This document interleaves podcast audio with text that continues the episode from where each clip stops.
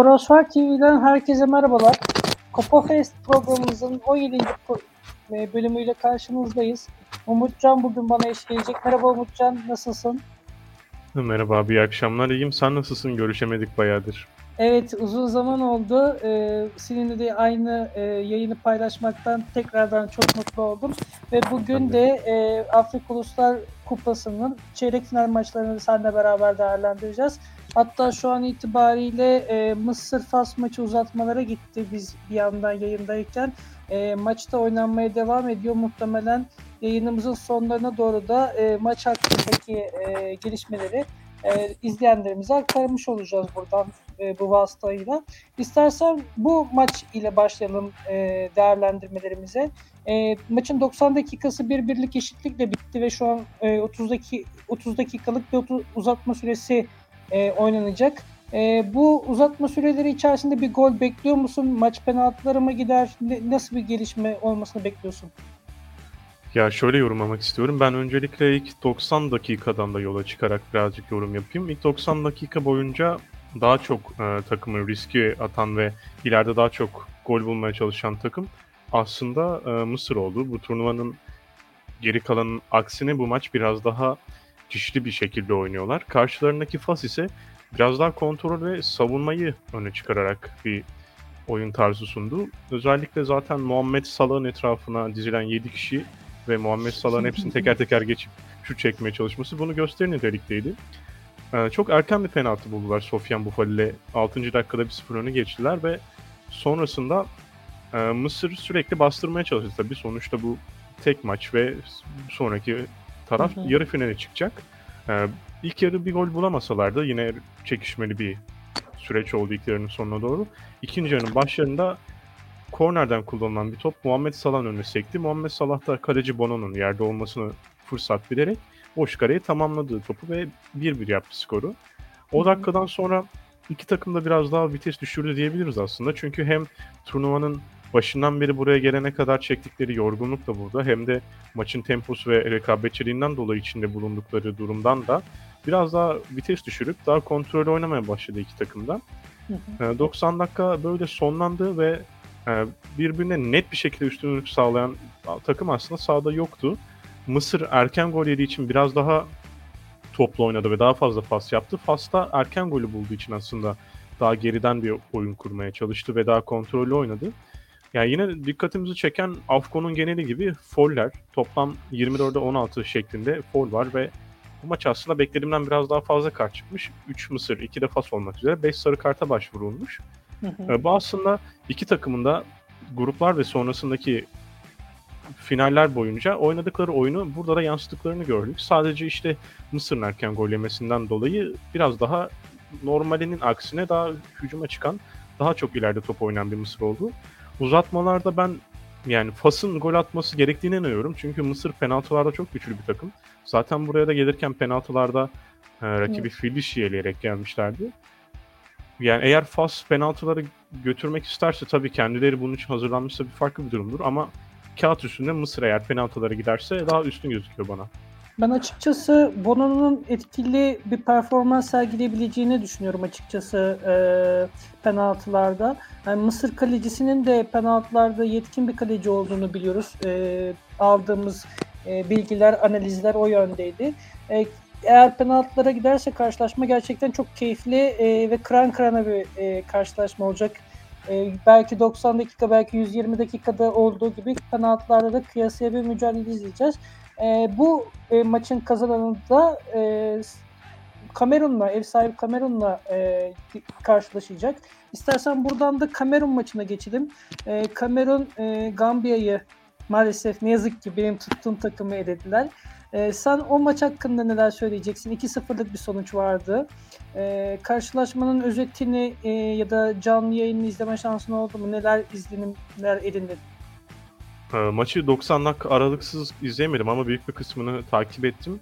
E, Şöyle yorumlayayım. Gambiya'nın bu zamana kadar oynadığı futbol Kamerun'a tutmadı diyebilirim. Çünkü Hı hı, Kamerun Komorlar maçında çok iyi bir profil çizmemişti aslında. Çok kesinlikle.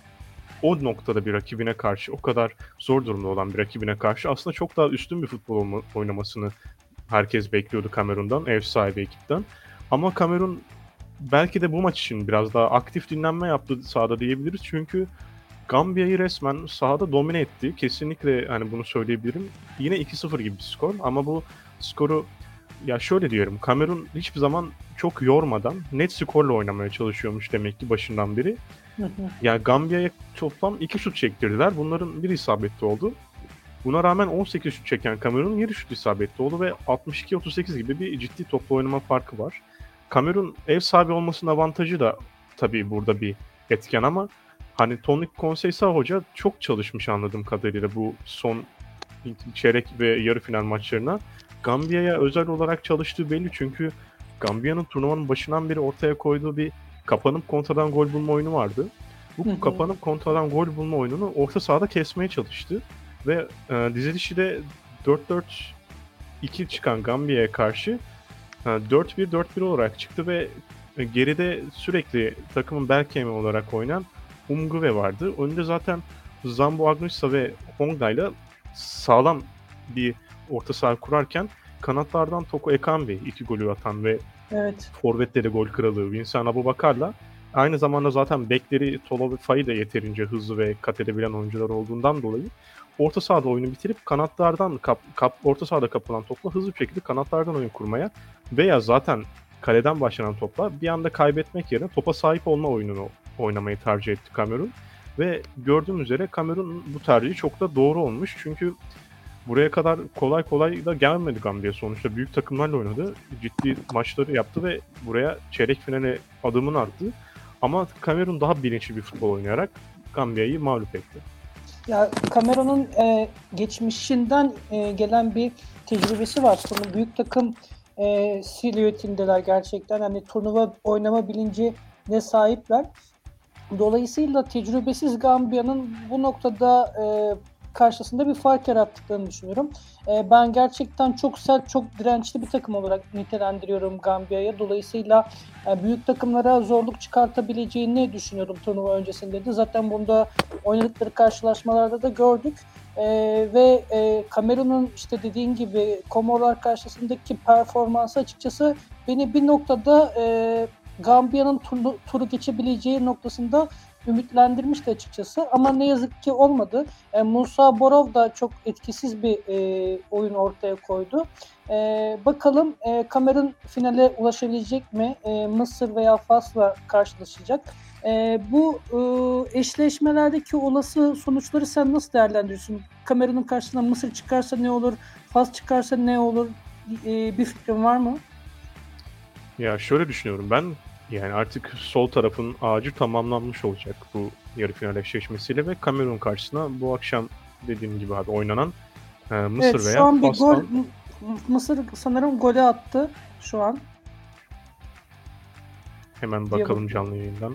Evet. Evet ben de bir yandan maça bakıyorum ve Mısır 60 golü gerçekten 2-1. Evet, e, Trezeguet'in sevindiğini görüyorum. Eski Kasımpaşa'da sonradan Premier Lig'e transfer olan. Evet. Yani Mısır golü attıysa şu noktadan sonra maçı kolay kolay vereceğini düşünmüyorum. Zaten Mısır akan oyunda gol yemedi şu ana kadar. Evet. Penaltıdan gol yediği için. Ee, şöyle diyeyim. Mısır mesela şu an Mısır'dan konuşalım önde olduğu için. Mısır çok iyi savunma yapabilen bir takım. Şu ana kadar gördüğüm üzere de. Ve Muhammed Salah'ın da artık biraz daha açılması ve kaptanlık bazı bandının ağırlığını hissetmesinden kaynaklı olarak söyleyeyim. Turnuvanın başındaki kadar hani turnuva başında güçsüz görüyorduk. O kadar güçsüz artık görmüyoruz. Artık güçlü bir ekip oldu ve Hı hı. e, mental olarak da kendilerini üst seviyeye getirdiler. Mesela Gambiya mental olarak Kamerun maçından kaybetti diye düşünüyorum. Buradaki bu ciddi dominasyonun sebebi bence ciddi bir yetenek farkı ya da taktiksel eksiklik değil. Gambiya'nın mental anlamda Kamerun'a yetişememiş olması diye düşünüyorum. İşte burada eğer Mısır'la Kamerun eşleşirse Mısır'ın bu maçı da kazanarak kazandığı mental güçle birlikte aslında Kamerun'un ciddi bir rakip olacağını düşünüyorum. Hı hı. Ee, şöyle yorumlayabiliriz. Kamerun çok net skor bulan hatta her maç rahat rahat skor bulmuş bir takım.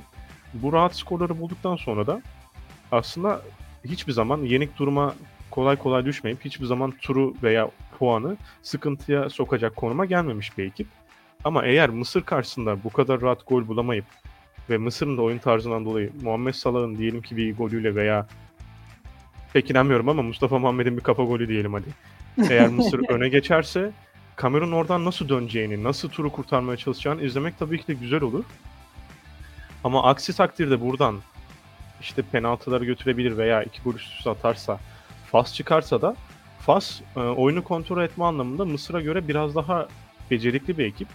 E, golü bulmasa dahi maçın temposunu ayarlayabilen, takımının vitesini kontrol edebilen bir ekip Fas. Ama Kamerun'un Fas'ın bu oyunu oynamasına ben pek izin vereceğini düşünmüyorum. Çünkü Kamerun da oyunu nasıl idare etmesini çok iyi bilen bir ekip. Hatta turnuvanın şu ana kadar sağ içerisinde oyunu istediği şekilde yönlendiren en iyi ekip Kamerun diyebilirim. Ben buradan Mısır çıkarsa Kamerun'a ciddi bir problem oluşturacağını düşünüyorum ama eğer Fas çıkarsa ya Mısır yenmiş olsa dahi oyun planları karşılaştırması yaparsak Kamerun'un Mısır kadar zorlayacağını pek düşünmüyorum ama tabii ki de Fas'ın erken bir şekilde ilk yarıda gol bulma durumundan sonra Kamerun'un yine e, maçı çevirmek için Fas'ı nasıl açacağını izlemek kesinlikle güzel olur. Ben de Fas'ın çok yavaş oyunculardan oluştuğunu düşünüyorum ve e, Kamerun'un süratli oyuncuları var. Süratli kanat oyuncuları var. Vincent Abubakar gibi pres yapıcı e, bir forvetleri var. Dolayısıyla Kamerun'un Fas karşısında ben e, favori olabileceğini düşünüyorum ama yine aynı e, maçtaki M- Mısır karşılarına çıkarsa e, çok bocalayabileceklerini düşünüyorum ben e, açıkçası. E, ben o tarafta e, Mısır çıkarsa e, Mısır'ı favori görüyorum Kamerun karşısında. Eğer Fas çıkarsa da Kamerun'u e, favori olarak nitelendirebilirim. İstersen e, diğer maça biz geçelim e, burada. E, Burkina Faso e, kaybetti. E, bir dakika çok Kazandı. özür diliyorum. Burk- Burkina Faso kazandı. E, Burkina Faso e, maçını e, sen değerlendirsen nasıl bir e, yorum yapabilirsin? Ha, Bu maçın da büyük bir kısmını izleme şansına erişmiştim aslında. Bu maç Burkina Faso topu Tunus'a verdi ve Tunus'un oyun kurmasını düşün, izin vererek e, kendisi kontra topları denedi hücum anlamında. Aslında bunu da gayet iyi yapabilecek bir ekip çünkü hücum hattı gayet hızlı ve defans hattı da dirençli fiziği, fizik anlamında da ileri pas atma anlamında da Burkina Faso'nun defans hattı kuvvetliydi bu oyun için. Özellikle Tapsoba bu maç çok hızlıydı. Edmond Tapsoba kendisi Bayer Leverkusen'in e, stoper hı. oyuncusu ve kendisi 22 yaşında daha. Ona rağmen takımının e, defansında liderliğini ortaya koydu ve ciddi anlamda hırslı bir oyun ortaya koydu. Gerek e, fiziksel müdahaleler olsun, gerekse Tunus forvetleriyle girdiği münakaşalar olsun. Yaşına rağmen hırsını ve milli inancını gösterdi kesinlikle. E, golü yorumlayarım. Ben izlerken gol olacağını adeta anlamıştım. Çünkü Tunus çok eksik adamla yakalandı ve Burkina Faso çok düzgün bir sette çıktı hızlı hücuma. E, zaten Dango Utara topu Tunus ceza sahasına getirdiği an kalecisinin de Tunus'un normal konumlanmasının dışında olmasından dolayı güzel bir bitiricilikle topu kaleye gönderdi ve 1-0 öne geçti ilk yarının son anlarında 45 artı 3'te. İlk yarı zaten mağlup giren Tunus. ikinci yarı artık daha hırsı, daha ileri çıkan bir oyun oynamaya çalıştı. Hı hı. Burkina Faso ilk yarında ilk 25-30 dakikada ortaya koyduğu dirençli defansını bozmayarak Tunus'a net bir gol fırsatı da vermedi.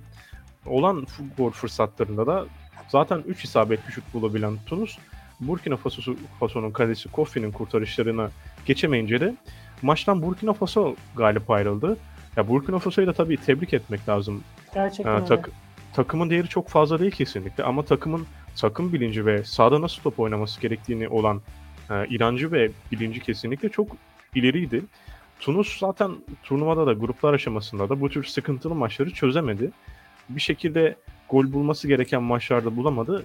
Bu maçta grup maçlarının bir özeti gibiydi adeta. Çünkü burada da Burkina Faso'nun gol atmasına aslında izin verirken kendisi gol bulamadı. Hatta 82'de ilk golü atan Ottara kırmızı kart yedikten sonra 10 kişi kalmış rakibe bile skor üretemeyerek e, yani çeyrek finalde bunu yaparsan elenirsin.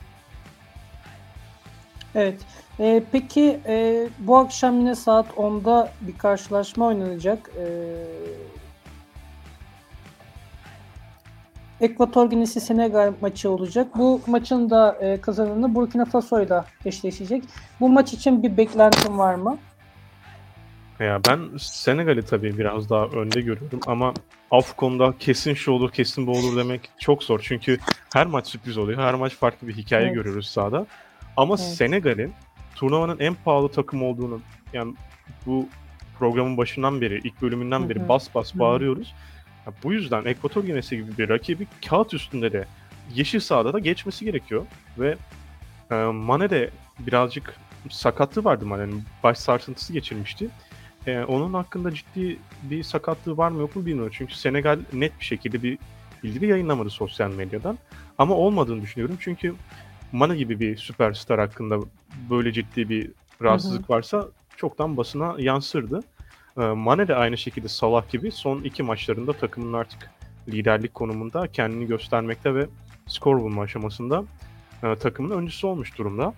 Ya şöyle bir şey düşündüm ben. Senegal'in bu turu geçeceğini ve Burkina Faso'yu da e, mağlup edeceğini düşünürsek turnuva ağacının sağından Senegal gelmiş olacak.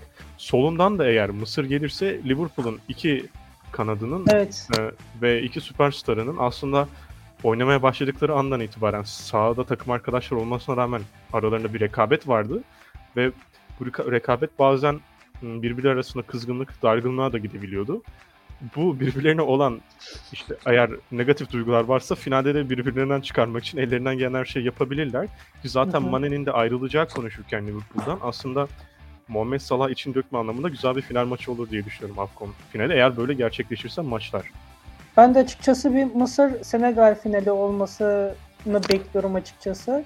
Ee, şu anki e, turnuva nezdinde ama bu tabii Liverpool'u şampiyonluk yarışında biraz e, sekteye uğratacak çünkü e, lig karşılaşmaları noktasında e, önlerinde zorlu maçlar var ve bir an önce bu iki önemli ismin e, takıma dahil olması gerekiyor. Hatta kanat bölgesinde bugün e, Porto'dan Diaz'ı e, transfer ettiler. Belki onun transferiyle beraber Minim- Minamino e, takımdan ayrılabilir diye düşünüyorum kiralık olarak vesaire.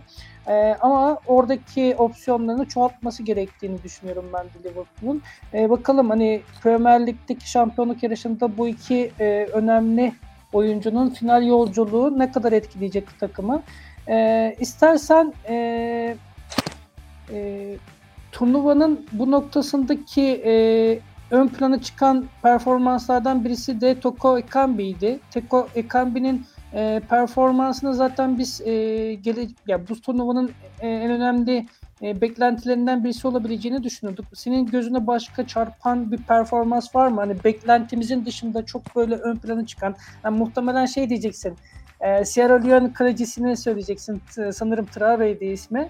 E, onu söyleyeceksin muhtemelen ama onun dışında başka var mı? Ya şey Sierra Leone'un kalesi Muhammed Kamara çok konuştuk Kamara, kendisini. pardon. Evet. Artık e, geride kaldığı için şu noktada kendisinden hani yeterince saygı gösterdiğimi düşünüyorum. ee, şöyle aslında Collins Faye var sabit Ha, evet. oyuncusu. Standart Liège'de oynuyor. Şu an asist kralı konumunda yaptığı 3 asiste ama şöyle bir durum var ki Cameroon'da oynayan bir oyuncunun asist kralı olması da çok şaşırtıcı değil aslında. değil, değil. Ee, Benim şu noktada ilgimi çeken, en, en çok ilgimi çeken oyunculardan biri Musa Barrow'du aslında. Gambiya'nın e, buraya kadar yükselişinde de en çok hani etki gösteren takımın Wonderkid'i Musa Barrow gayet iyi bir turnuva geçirdi. Ee, Hatta en çok öne çıkan Wonderkid de Ilahi Moriba'dan daha ziyade Musa Barrow olmuştur bence. Ee, Hı hı. tabii elenen takımlardan güzel oyuncular vardı. Onların da burada olabileceğini düşünebilirdik ama kendileri hani çok bir etki gösteremediler ki takımlarını tutamadılar diye düşünüyorum bazı konularda. E tabii Mısır'ın stoperi de Hegazi de çok başarılı bir turnuva Gerçekten. geçiriyor bence. Gerçekten Ee, bugün- bence de. Maçtan çıktı ama kendisi Mısır'ın bu kadar az gol yemesinin en önemli sebeplerinden biri adeta bir duvar oluyor kalecisiyle birlikte. Ee, zaten kaleci değişikliğinde yaptığını görüyoruz Mısır'ın yine tekrardan. Bu tür Hı hı. önceki maçta da yaşanmıştı çok benzeri. Eğer bu maç zaten penaltılara giderse Mısır'ın hazırlıklı olduğunu biliyorduk. Ee, bunun dışında dikkat edilmesi gereken başarılı oyunculardan biri olarak da ben aslında Fas'tan yine çok iyi e, bir performans ortaya koyan Sofyan Amrabat'ı düşünüyorum. Sofyan Amrabat Fas'ın orta sahasını çok iyi topladı ve e, bir dinamo konumundaydı Sofyan Amrabat milli takım için. Kendisi Fiorentina'nın oyuncusu ve aslında transfer yapabileceği konuşuluyordu. Galatasaray'a gelebileceği konuşuyordu. Ama Galatasaray sanırım yetmedi. Sonra Tottenham ilgilenmişti. Tottenham da bugün Bentancur'u açıkladığı için Sofyan Amrabat Evet. takımında kalıyor gibi. Hı hı. Ama kesinlikle Sofyan Amrabat, kendisi de e, Nordin Amrabat'ın kardeşi aynı zamanda. Nordin Amrabat'ı da bilirler sanırım ligimizden. Fas için de çok değerli bir oyuncu Sofyan Amrabat yani özet olarak. Evet gerçekten bugün e, enteresan gelişmeler oluyor. E, seyircilerimiz de buradan bir e, transfer haberi paylaşıyor bizimle. Mısır'ın ikinci golünü atan e, Trezeguet Başakşehir'e e, geliyormuş. Enteresan bir gelişme. Sen nasıl değerlendiriyorsun bu gelişmeyi? E, özellikle çok sayıda kanat oyuncusu var e, aslında e, Başakşehir'in ama onları genelde merkezde oynatmayı tercih ediyor. Çatlı'yı, Deniz Türüç'ü genelde merkezde oynatmaya çalışıyor e, Emre Belezoğlu. E, o opsiyonlarını genişletmeyi düşünüyorlar sanırım. E, ben öyle yorumluyorum. Senin düşüncelerin ne yönde? Ya şöyle düşünüyorum ben. Chadli aslında hmm, tam bir istediği sol kanat performansını veremiyor sanırım Başakşehir'in. Ben Başakşehir'i veya ligi çok yakından takip etmiyorum ama Hı hı. ettiğim kadarıyla düşünüyorum bunu. Trezeguet kesinlikle Başakşehir için gayet iyi bir transfer olur. Çünkü zaten yani Başakşehir son haftalarda pek eskisi gibi ilk başlardaki Emre Belözoğlu'nun inanılmaz serisinin kadar devam ettiremedi. Bu seri kadar olmadı. Son 3 maçta sanırım ciddi puan kayıpları yaptı ve ligde 8. sıraya düştü aslında. 3'ü zorlamıştı yanlış hatırlamıyorsam.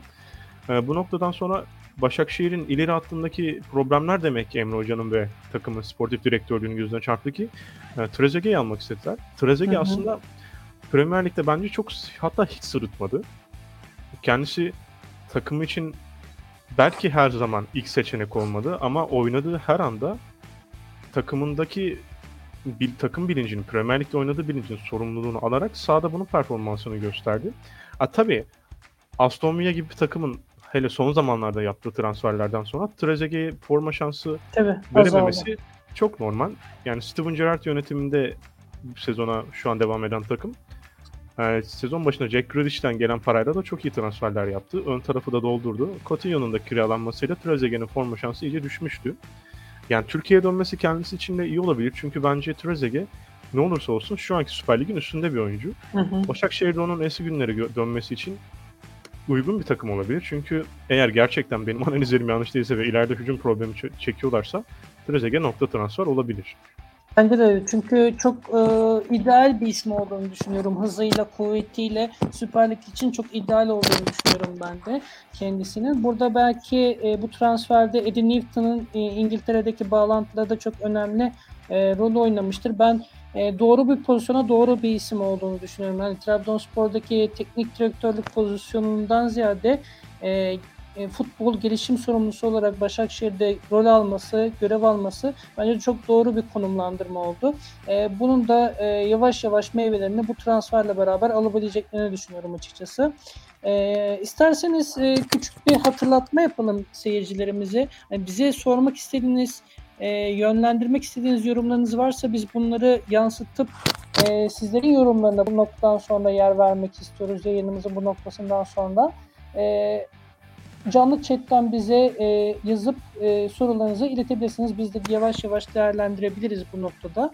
E, istersen e, senin eklemek istediğin bir şey varsa öyle ilerleyelim. O noktada da e, dinleyenlerimizden, izleyenlerimizden yorumlar bekleyelim. Ya şöyle ekleyebilirim ben. Şu an oynanan maçtan bahsedebilirim birazcık. Hı. Abi sen konuşurken kenardan izliyordum. Hatta Mustafa Muhammed birden secde attı hiçbir şey olmadan. Gol oldu, secde yaptı, gol oldu falan sandım. Hiçbir şey olmamış aslında. Durduk yere secde yapmış. Ee, şöyle ki Mısır turnuvaya aslında kötü başladı ve çok da iyi toplayamamıştı. Hı hı. Ama son 3 maçtır gerçekten Mısır'ın neden burada olduğunu çok iyi de görüyoruz. Ee, Afrika'nın Dünya Kupası elemeleri eşleşmelerini görmüştüm geçen. Orada da aslında çok güzel maçlar olacak. Ve Evet. Şu an burada olmayan takımlar oradan Dünya Kupası'na gidebilme bileti yakalayabilirler. Mısır bence gidecektir diye düşünüyorum oradan. Kamerun zaten gidecektir diye düşünüyorum. Afgan'ı da hani turnuvaya baktığımızda Afrika'nın pek çok ülkesinden pek çok farklı futbol anlayışında ve pek çok farklı ülke içi demografi ve sosyoloji bazında incelenebilir takımlar gördük. Yani şimdi bir Kuzey Afrika takımıyla Orta Afrika takımı kesinlikle ne aynı futbol oynuyor ne de aynı futbol anlayışına sahip oluyor. Ee, buraya kadar gelirken de Mısır Fas'ı zaten görüyoruz. Kamerun zaten ev sahibi ve ciddi güçlü bir ekip. Öbür tarafta yine Tunus var, Burkina Faso elendi ve e, Senegal var. Buraya kadar gelenler ve gruptan çıkanlar genelde Kuzey Afrika ülkeleri ağırlıklı. Hı Ama. Orta Afrika ülkelerinden de dişli ekipler ve dişli olarak gözükmese de hırsları ve inançlarıyla inanılmaz futbol oynayan ekipler Burkina Faso gibi. Hı hı. E, buraya kadar geldiler. Aslında Afcon başlarda hep seninle konuştuk. Çok yüksek bir tempo yoktu. Hı hı. Çok şahane bir futbol oynanmıyordu. Çok sansasyonel görüntüler yansımıyordu belki ama hem taraftarların sahadaki etkileri olsun hem de işte küçük takımların yani çok güçlü olmayan turnuvanın adayı olarak gösterilmeyen takımların buradaki içi mücadelelerinin aslında hiçbir şekilde küçümsenmeyeceğini gösterdi bu turnuva şu ana kadar bize. Hı hı. Umarım ya buraya kadar tabii bir sürü az bütçeli veya az kaynaklı takım elendi. Çoğu elendi. İşte buradan Kamerun devam edecek. İşte devam ederse böyle giderse Mısır devam edecek. Mısır'da, evet. Ee, Burkina Faso aslında bu underdog takımların şu ana kadar en büyük temsilcisi olacak yarı Hı hı. finallerde ve Hı hı. tahminimce Senegal devam edecek. Ama bu noktadan sonra hiçbir şekilde ben futbolun şu an buraya kadar gelmiş futbol kalitesinin ve rekabetin azalacağını düşünmüyorum. Hatta 2-3 gömlek artacağını düşünüyorum yarı finallerle birlikte. Kesinlikle. Umarım hem izleyicilerimiz için hem de taraftarlar için gayet güzel bir turnuva olarak devam eder. Ee, ya bu arada bu Dünya Kupası e, eşleşmelerinden bahsetmiştim. Benim orada gözüme çarpan şu oldu. Güney Afrika ne yazık ki yok. Yani aslında Afrika futbolunun lokomotiflerinden birisiydi. Bundan 5 sene, 10 sene öncesinde e, Güney Afrika gerçekten lider bir takımdı. Ama e, nasıl bir futbol erozyonuna uğradılarsa onlarda çok büyük bir düşüşle karşılaştılar ve e, Dünya Kupası elemelerine e, eşleşmelerinde e, rol alamayacak kadar kötü bir konuma e, geldiler. Senin bu konuda bir yorumun var mı? Düşüncen var mı? Ya tabii ben de Dünya Kupası denilince e, yaşım gereği en net hatırladığım Güney Afrika'daki Dünya Kupası. Evet. Hatta açılış Vuvuzela. maçındaki Şabalala'nın inanılmaz bir golü var ve gol Evet. sevinci vardı arkadaşlarıyla. O benim Sonra hafızamda kalmış. Da, evet Erzurum Spor'a Aynen. da gelmişti. Kendisi Latin Amerika'da oynuyordu yanlış hatırlamıyorsam. Evet. Brezilya'da Ee, oynuyordu diye biliyorum ben de. Ben de net hatırlamıyorum ama Erzurum'da oynadığını hatırlıyorum. Hatta onu da görünce ben anlarım hani depresmiş. Evet. Ve çok şaşırmıştım çünkü benim yani net bir şekilde aklımda kalan en en eski Dünya Kupası hani maçlar boyunca o var. Ondan önce tabii e, Cannavaro'nun kupa kaldırışını net bir şekilde hatırlıyorum. İşte Van Bronckhorst'un 40 metreden 90'a çakışını görsel olarak hatırlıyorum. E, Zidane'ın kafasını görsel olarak hatırlıyorum ama Hı hı. takip edebildiğim turnuva açısından Güney Afrika benim için en eski Dünya Kupası'dır. Ee, orada hem ev sahipliği yaparak hem de sahada ezilmeyerek iyi bir performans göstermişti. Ama bir 10 yıllık süreçte demek ki hem sportif kaygılarını yitirmişler demek diye, diyebiliriz. Hem de yıldız çıkaramadılar zaten. Şu an Güney Afrikalı olup da 5 büyük ligde top koşturan bir yıldız gelmiyor benim aklıma. Belki de yoktur zaten. Hı hı. Yani diğer Afrika ülkeleri gelişirken özellikle Kuzey Afrika gelişirken kendileri geride kaldı. Belki de buna ülke içerisindeki siyasetin etkisi vardır. Zaten e, siyaset ve ülke içi ekonomi ne kadar düzenli değilse, ne kadar sağsantılıysa bu futbola da etki ediyor. Hele milli takım bazında veya kulüp bazında da ciddi etki edebiliyor. E, zaten baktığımızda Avrupa'da da bunun tam bir tersi yok aslında. E, Almanya, İtalya, Fransa gibi ülkeler Avrupa'yı domine ederken e, Balkan ülkeleri veya şöyle diyeyim 90'lar öncesi demir perde altında yaşayan ülkeler o kadar etkili olamadı. Zaten gelişemediler futbol adına.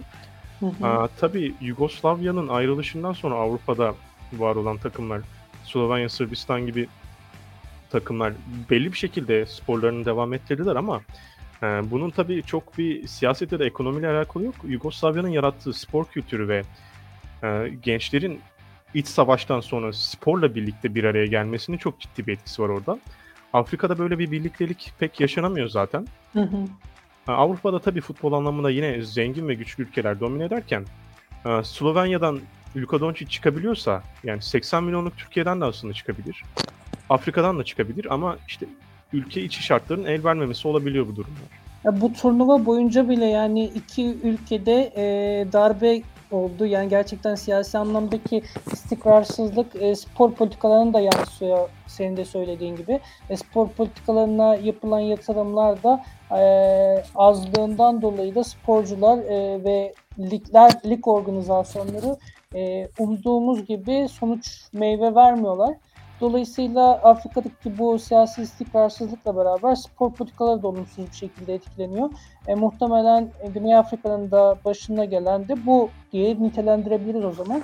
E, izleyenlerimizden bir soru vardı. Süper Lig'deki e, üç büyük ego, egomonyası bir kırılmaya yaşayacak mı bundan sonrası diye e, konuş e, sordular bize. İstersen bu konu hakkında da ben kısa bir yorum yapıp sonra sözü sana vereyim. Ya ben mevcut yabancı kuralının değişmez ise e, bu bahsettiğimiz üç büyüklerin daha olumsuz yönde etkilenmesini bekliyorum. Ama Türk oyuncular daha fazla süre alır, alırlarsa kural bu yönde e, artarak devam ederse işte önümüzdeki sezon 4 tane Türk oyuncunun oynat, oynatılması bekleniyor. Ama bu kural uygulamaya konulmaz ise ben Anadolu'daki takımların e, sahip oldukları yabancı oyuncularla beraber e, üç büyüklere e, olumsuz sonuçlar yaşatabileceklerini düşünüyorum. Ama e, Türk oyuncu sayısı artarsa ve e, Anadolu kulüpleri delillerindeki kaliteli Türk oyuncuları e, ellerine tutma şansının daha az olduğunu ve büyük bu kaliteli Türk oyuncuların büyük takımlara gideceğini ve dolayısıyla da orada bir rekabetin e, açılacağını düşünüyorum. Dolayısıyla e, her şey bence bu yabancı kuralına bağlı olarak değişebileceğini düşünüyorum. Senin düşüncen ne yönde? Ya özellikle şimdi bu konsept program özelinde Afrika futbolunu da değerlendirdiğimizden dolayı yabancı oyuncuların işte Afrikalı futbolcuların da Süper Lig'e çok önemli katma değerler e, yarattığını da gördük. İşte Mukayru geldi Antalya Spor'da direkt Nijerya'dan geldi. Şimdi Kopenhag oyuncusu oldu. E, çok büyük bir etki yarattı. İşte e, Zimbabwe'den, Güney Afrika'dan e, Hadebe geldi. Yeni Malatya Spor'a önemli bir e, performans ortaya koydu. Ondan sonra e, o da önemli bir transferle Amerika Birleşik Devletleri'nin yolunu tuttu. Buna benzer e, Afrikalı genç oyuncuları direkt o liglerden, o ülkelerden transfer ederek e, büyük takımlara karşı fark yaratabiliyorlar. Fark yaratabiliyordu e, Anadolu kulüpleri. E, ben eğer yabancı kuralının değişmesi durumunda bu tür olanakları daha az el, ellerinde bulunduracaklarından dolayı bir e, başarısız sonuçlar yaşayabileceklerini düşünüyorum Anadolu kulüplerinin. Ya şöyle yorum yapabilirim. Abi ben senin kadar hakim değilim Türk futbol habitatına ama ya yorumlarım şu şekilde benim. Özellikle üç büyükler dediğimiz ya da dört büyükler dediğimiz. Hı hı. işte Trabzon'u ben bu Türkiye'deki futbol kaosundan uzakta tutuyorum. Çünkü bence Ahmet Ağaoğlu çok güzel bir sistem kurdu Trabzon'da. Hı hı. Ve birkaç seneyi daha en azından ilk dörtte bitirebilecek kadar yeterli bir kadro kurduğunu düşünüyorum. Ama Beşiktaş da hani Galatasaray ve Fener kadar olmasa da biraz zorlanıyor ama Galatasaray ve Fener'in e, son yıllardaki hali gerçekten taraftarlarını çok üzüyor. Hı hı. Yani yabancı kuralından ayrı konuşmam gerekirse takımların ciddi bir yönetim problemi olduğunu düşünüyorum ben. E, Ali Koç aslında ciddi bir ekonomik anlamda Fener'e katkı verdi. Fakat sportif anlamda başarı gelmeyince hem başkan yıpranıyor bundan hem de taraftarlar sabır olarak e, yetemiyor. Ya tabii bunda şöyle bir ayrım var aslında. Taraftarların kulübe ne kadar etki ettiğinde başkanın bir şekilde belirlemesi lazım. E, çünkü gidip de Aziz Yıldırım zamanda yaşanan taraftar olaylarını Ali Koç yaşanmasın diye taraftara çok söz hakkı verince de senin çok büyük planlarla getirdiğin hocayı 5 haftada göndermen gibi bir durum evet. ortaya çıkıyor. Evet. E şimdi aynısını Dominic Torrent için de konuşuluyor Galatasaray'da. Burak Elmas idari anlamda kuvvetini yitirmekte hem yönetim kurulunda çıkan skandallar olsun hem de Fatih Terim'in Galatasaray'da yarattığı büyük etkinin artık korunamaması olsun. Çünkü Fatih Terim dediğim bir sima Galatasaray taraftarının en az %80'ini güven oyuna sahip bir isim ve e, kazandığı kupalarla birlikte bana göre Türk futbol tarihinin en başarılı hocasıdır. Hı hı. E, şöyle bir durum var. Fatih Terim'i göndermek Ünal Aysal gibi bir başkanla Burak Elmas gibi başkanlar arasında ciddi bir fark yaratıyor. Çünkü Ünal Aysal'ın hareketleri en azından Fatih Terim gittikten sonra Mancini'yi getirebilecek, Didier Drogba ve Schneider'i takımın e, ön hatlarına katabilecek şekildeyken Burak Elmas 15 gündür bir transfer yapamadı. Daha kareyi dolduramadı. Eğer Fatih Terim'i gönderecek kadar sen büyük bir oyun oynuyorsan, piyonunu ya da işte diğer taşlarını buna göre yönlendiriyorsan Aynı şekilde taraftarı bir şekilde memnun etmen lazım ki taraftara bu kadar söz hakkı verebiliyorsan. Hı hı. tabii aynı zamanda ekonomik anlamda ciddi hatalar yapıldı ligimizde. Takımların çok ciddi suçları olmasa da yine de ayaklarını yorganlarına göre uzatamadılar demek ki. Çünkü bir sezonda 25 oyuncu transfer etmek falan hem bir istikrarsızlık hem de ülke ekonomisinin bu kadar istikrarsız olduğu bir süreçte büyük bir kumardır. Evet. Eee, Afrikalı oyunculardan bahsettik. Eee, dediğimiz gibi ülkemize Bu- Drogba, Bu arada Eto'o maç oynadı. da, maç da bitti. Maç da bitti. Mısır 2-1 ile e, yarı finalist oldu. İstersen devam edebilirsin. Tamamdır. Eee, Afrikalı oyunculardan Didier Drogba, Eto'o gibi süperstar hatta belki de Afrika tarihinin yetiştirdiği en büyük oyuncular aslında ülkemizde forma giyebildi. Eee, Afrikalı oyuncular keşke daha çok forma giyebilse çünkü fizikleri olsun hatta ayağı iyi top yapan Afrikalı oyuncular anlamında ülkemiz çok açık bu tür oyunculara. Eee, John Michel Seri Galatasaray'da çok eleştirilmesine rağmen iyi iş yapmıştı Hı hı. yakın tarihten. E, belki forvetler anlamında pek tutmuyor. İşte Cagne gol kralı oldu ama bu sezon sakatlığı olsun ve mental anlamdaki sıkıntıları olsun Galatasaray pek iş yapamadı. Mustafa Muhammed'den memnun değiller. Ondan önce İslam Slimani Fenerbahçe taraftarlarını çok üzdü diye hatırlıyorum. Yani Evet. Türkiye ligiyle aslında Afrika futbolu birbirine çok uzak şeyler değil. Evet. Ama- değil. Ee, bunun biraz daha entegre olmasını daha sağlıklı yoldan yapılması gerektiğini düşünüyorum. Bir Afrikalı futbolcu getirip 6 ayda zararına gönderen kulüpleri de çok gördük. Evet. Yani benim Ya bunun bunun bunun Düşünüyorum en bariz bunun en bariz örneğini ben e, bu bu sene yine şeyde gördüm. Yeni Malatya Spor'da gördüm.